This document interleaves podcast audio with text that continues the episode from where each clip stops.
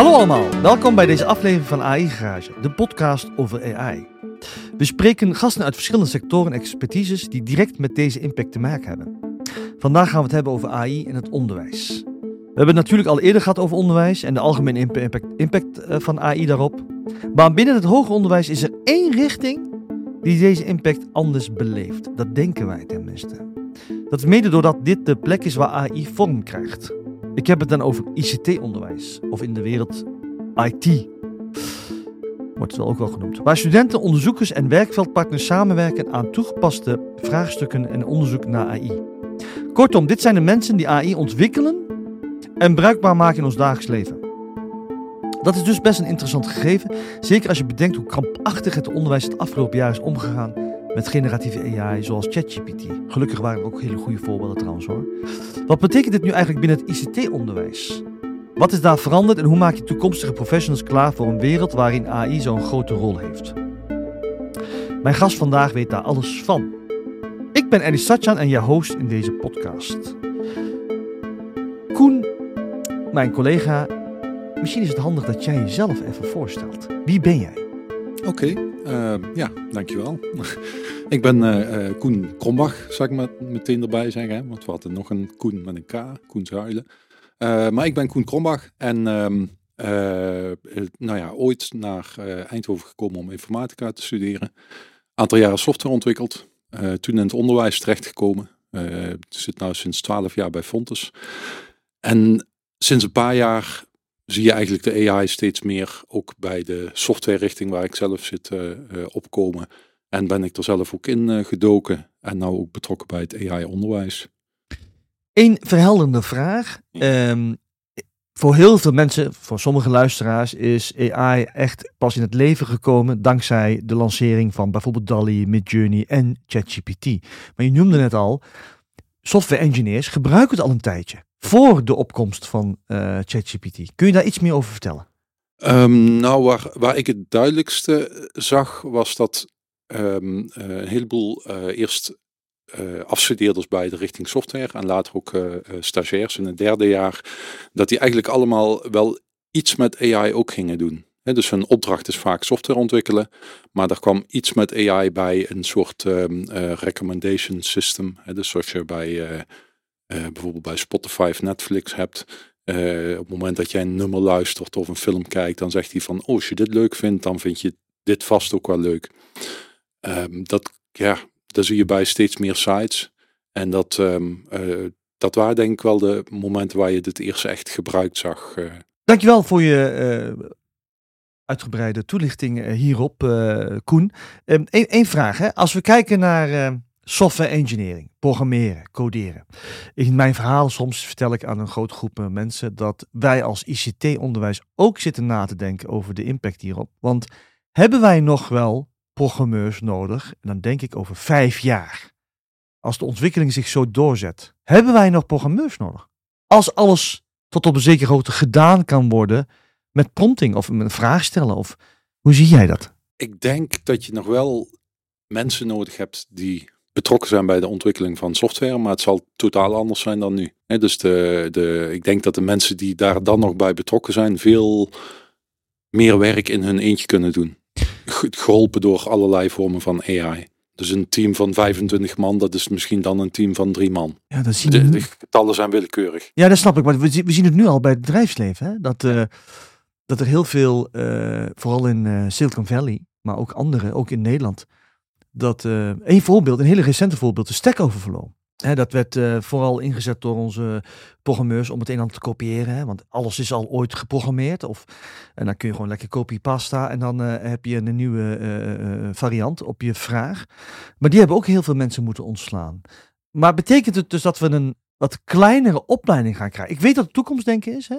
Maar als we kijken nu hoe het uh, eruit gaat zien aan jouw opmerking, dus in plaats van een team van 25 mensen, heb je misschien genoeg aan twee à drie mensen die echt goed snappen hoe een code werkt. En de rest wordt gedaan door AI. Is dat het? De vraag is zelfs of die twee à drie mensen helemaal moeten snappen hoe de code werkt. Uh, ik hoorde vanmorgen bijvoorbeeld in, in, een, in een podcast uh, over uh, waar ja, de, de, die persoon die zegt van we besteden bij het maken van software heel veel tijd nu om het om modules te maken die samenwerken. En die modules die zijn zo onafhankelijk van elkaar mogelijk, zodat je die modules kunt hergebruiken. Maar op het moment dat je die laat schrijven automatisch, dan is de vraag, moeten dat wel zo'n losse modules zijn? Want het is makkelijker om het als één geheel te schrijven. Op het moment dat, die, dat een computer ehm, die, die code schrijft, ehm, is dat niet meer zo nodig om losse modules te, te maken. Want dat is vooral voor mensen, omdat ze dan het overzicht kunnen houden. Nu zeg je me wat, hè? Ja. Het gaat wel over ons beroep. Hè? Dat is wat, je, wat je heel vaak uh, hoort, ook in, uh, in, in, in, in de media, maar ook uh, in gesprekken. Niet iedereen gelukkig, maar dat er best wel veel mensen zijn die bang zijn dat hun baan vervangen wordt door AI. En door die angst dat ze dan daardoor misschien dingen niet doen. Dus niet experimenteren, niet meegaan of zelfs tegen ageren. Ehm, laten we hier even bij vasthouden. Hè? Laten we dit even vasthouden. Dus uh, over vijf jaar bestaat Fontes ICT nog steeds. Alleen, wat voor lessen we geven we dan aan die programmeurs? Is dat dan nog leren programmeren in C-Sharp of uh, Java? Of leren we ze controleren van code? Ja, ik denk dat het inderdaad meer naar controleren toe gaat. Dus uh, wat, wat de huidige testengineers doen eigenlijk. Uh, maar ook het, het, het nadenken over wat is het probleem nou eigenlijk echt. Hè, wat, wat ik wil gaan oplossen. De, de goede vragen stellen. Uh, dat blijft, um, nou ja, roep ik dan even hard. Daar ben ik niet helemaal van overtuigd. Maar dat, voor een groot deel blijft dat denk ik overeind. Dus dat je gaat samen met een klant praten. En nou ja, zoals wij nu zitten, we praten in een microfoon. En intussen gaan, gaan een aantal AI's die gaan aan de slag en die gaan het voor ons bouwen. En op het einde van het gesprek, of na een uurtje, dan krijg je misschien een eerste versie. En dan zie je wat er allemaal verkeerd begrepen is. Of wat er nog aangepast moet worden. Lijkt me fantastisch. Toch? Um, dat heeft zeker voordelen. Ja. Wat, wat, wat voor nadelen zie jij? Uh, nou ja, wat, wat je al zegt van dat er veel minder mensen nodig zijn. Dus uh, er wordt al, uh, ik geloof sinds 1950 of zo zijn ze al bang dat de automatisering dat die banen kost. je ziet dat de laatste jaren ook inderdaad echt gaan gebeuren. Um, en het, het um, in plaats van dat, dat, ja, je zou dan zeggen van, oh, dat is mooi, dan kan ik over een paar jaar in, in twee of drie dagen werken in plaats van vijf dagen per week. Uh, en dan kan ik hetzelfde, nou ja, laat ik zeggen, hetzelfde salaris verdienen en ik kan al, de rest van mijn tijd met leuke dingen vullen. Maar het lijkt wel alsof we het allemaal steeds drukker krijgen. En of zeg maar, um, uh, uh, zeg maar de, nou ja, de kloof tussen rijk en arm, laat ik het zo maar zeggen. Hè. Het, geld wat ermee verdiend wordt extra, dat komt bij een paar mensen terecht. En uh, de rest van de mensen moet alleen maar harder werken. Ja, dat is een opmerking die je net maakte. Dat is een podcast op zich. Hè. Daar kun je heel lang over uh, discussiëren. Ook een hele belangrijke vraagstuk waar we misschien nog het antwoord niet op hebben. Um, als we nu even nu naar nu kijken. Hè. We, we, hebben een beetje over de toekomst gehad. We kunnen het niet zien. Um, ik, ik heb wel het gevoel dat de luisteraars die in de ICT zitten, uh, die zijn misschien nu wel veilig, maar de toekomstige studenten die iets met ICT willen gaan doen en ze luisteren onze podcast, die zullen dan gaan afvragen van moet ik nog wel ICT gaan studeren? Ik geloof er wel in, hè, maar uh, het is ook een tendens wat opkomt uh, met de tekort aan ICT'ers, waardoor no-code, low-code ook heel erg populair is geworden. Als ik iets verkeerd zeg, alsjeblieft verbeter me. En nu met de opkomst van AI, ja, er wordt omarmd, want er is al een tekort aan ICT'ers. Er is een enorme tekort aan ICT'ers, waardoor bedrijven en overheden misschien hier nu heel erg op inspelen, wat weer effect gaat hebben misschien op de toekomstige arbeidsmarkt, omdat je aangeeft, je hebt het niet zoveel meer nodig. Snap je mijn verhaal? Ja, ja. ja en, en de, de afgelopen decennia hebben we, ja, ik zei net al van, um, uh, het, lijkt erop alsof we minder mensen nodig gaan hebben. Maar de afgelopen decennia is, is het alleen maar meer geworden. Uh, dus ook, ja, ondanks eerder voorspellingen, het kan best zijn dat er nou, omdat er veel meer mogelijkheden zijn, zoveel geautomatiseerd gaat worden of dat de ICT zoveel, zo'n grote vlucht neemt, dat we alleen maar meer mensen nodig hebben. Oh, gelukkig. We horen ook dat het uh, nog niet helemaal uh, afgelopen is met toekomstige ICT-onderwijs. Uh, Even over het nu. Hoe zet jij als software engineer docent AI in? Voor jouw vak, maar ook misschien richting jouw studenten. Ja, nou voor mijn vak als ehm, docent zijn we natuurlijk de laatste jaren, we, maken minder lesmateriaal, uh, we geven minder uh, frontaal les, omdat je veel makkelijker de studenten zelf aan de gang kunt zetten. Ze kunnen al het lesmateriaal halen. het, het, de toetsing ligt wel bij ons nog steeds als, als instituut. En dat is soms moeilijker. Want wat een student bijvoorbeeld vijf jaar geleden programmeerde, dat had hij zelf gedaan, hij of zij. Um, als nu een student iets laat zien, heeft hij misschien wel AI gebruikt of een ander um, handig hulpmiddel. Uh, wat mooi is, want dat wordt later hun beroep. Maar dat, um, misschien wordt het dan wel te makkelijk als wij de criteria hetzelfde laten. Misschien moeten we de criteria wel omhoog doen. Uh, dus meer eisen van de studenten. En, uh, maar dan dwing je ze dus ook, zeg maar, die tools te gaan gebruiken. Oké, ik hoor een paar dingen. Het woord dwingen is altijd moeilijk trouwens. Uh, Maar je bedoelt, bedoelt, daarmee eigenlijk meer denk ik van, uh, ja, het is, het is er. Dus je verwacht dat ze het gaan gebruiken. Ja.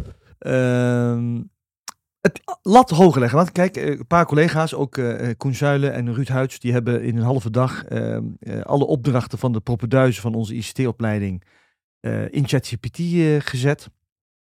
En de resultaten die daaruit uitkwamen, hebben ze nagekeken. En ze waren in een halve dag geslaagd voor de propenduizen van Fontis ICT. Mm um, en, en dat, dat is nu een feit. Hè? Dat, en jij zegt het nu ook een beetje. Hè? Uh, en natuurlijk, natuurlijk is dat een beetje gechargeerd, et cetera. Maar dan nog, we moeten de lat hoger leggen. Kun je daar een paar voorbeelden van noemen? Hoe zouden wij als ICT'ers de lat hoger kunnen leggen? Um, nou, het wordt bij, bij, bij software engineering kijken we al jaren naar dat um, studenten zelf moeten met de klant moeten gaan praten. En, en gaan praten over wat, dus ja, wat is het probleem nou? Dus niet zomaar eh, code gaan kloppen en van, oh, ik heb, een, uh, ik heb dit gedaan of ik heb dat gedaan. Maar je moet echt eerst erachter zien te komen, wat is het probleem? Um, en vervolgens kun je soms door een of andere slimme brainstorm te doen of een slim idee te, te bedenken, um, ga je niet een, uh, zeg maar een app maken die dat automatiseert. Dus een administratie-app, maar kun je bijvoorbeeld met, met gamification iets, iets leuks ervan, waardoor het werk ook leuker wordt, uh, kun je maken. En daar liggen bijvoorbeeld nog heel veel kansen. Uh, het, het lesmateriaal zelf, um, um, nou ja, studenten moeten, um, uh, of er wordt van ze verwacht dat ze daar doorheen lopen en dat ze dus wel leren programmeren tot bepaalde hoogte. Maar net zo, ja, goh, je hebt de, de programmeertools die je gebruikt. Als je er fouten in maakt, krijg je errormeldingen. En die errormeldingen worden ook steeds beter. Waardoor je ook sneller fouten kunt oplossen. En um, um, uh, net zoals je in, in als je in, uh, in een tekstverwerker een, een tekst typt, die helpt je ook steeds meer als je typfouten maakt. Er zijn nog steeds mensen die, meestal mensen die zelf goed zijn om weinig typfouten te maken, die, die denken nog steeds, ja, maar ik wil dat zelf doen. Ik wil zelf mijn, uh, mijn teksten controleren dat ze goed zijn. Maar het, het gros van de mensen gebruikt het als, oh, maar ik kan nou betere teksten schrijven. Als ik, een, als ik een tikfout maak, dan zie ik meteen rode kringeltjes eronder. En dan hoef ik maar op een knopje te drukken en het wordt, uh, het wordt gefixt. Zo gaat het met programmeren ook, software ontwikkelen. We worden dus beter, we worden sneller. Uh, je hebt minder mensen nodig om iets uh, voor elkaar te krijgen. Het is wel zo wat je net aangeeft dat uh, het gesprek, menselijke contact nog belangrijker wordt. Als we kijken naar onze studentenpopulatie, hè, dat zijn ja, mensen die het liefst achter een laptop zitten en zo min mogelijk contact hebben met anderen. Ik chargeer weer. Ehm, is dat wel. Dus wat voor mensen gaan wij dan uh, uh, binnenhalen? Wat voor mensen verwachten we dan? Wat gaan we dus over een paar jaar uh, als op onze affiche zetten? Van software of programmeurs gezocht. En dit is wat je eigenlijk moet kunnen. En daar staat heel groot contact met mensen. Ja. Dat is waar we naartoe gaan. Um, daar zou ik even over na moeten denken. De, de, het contact, de communicatie wordt wel belangrijker.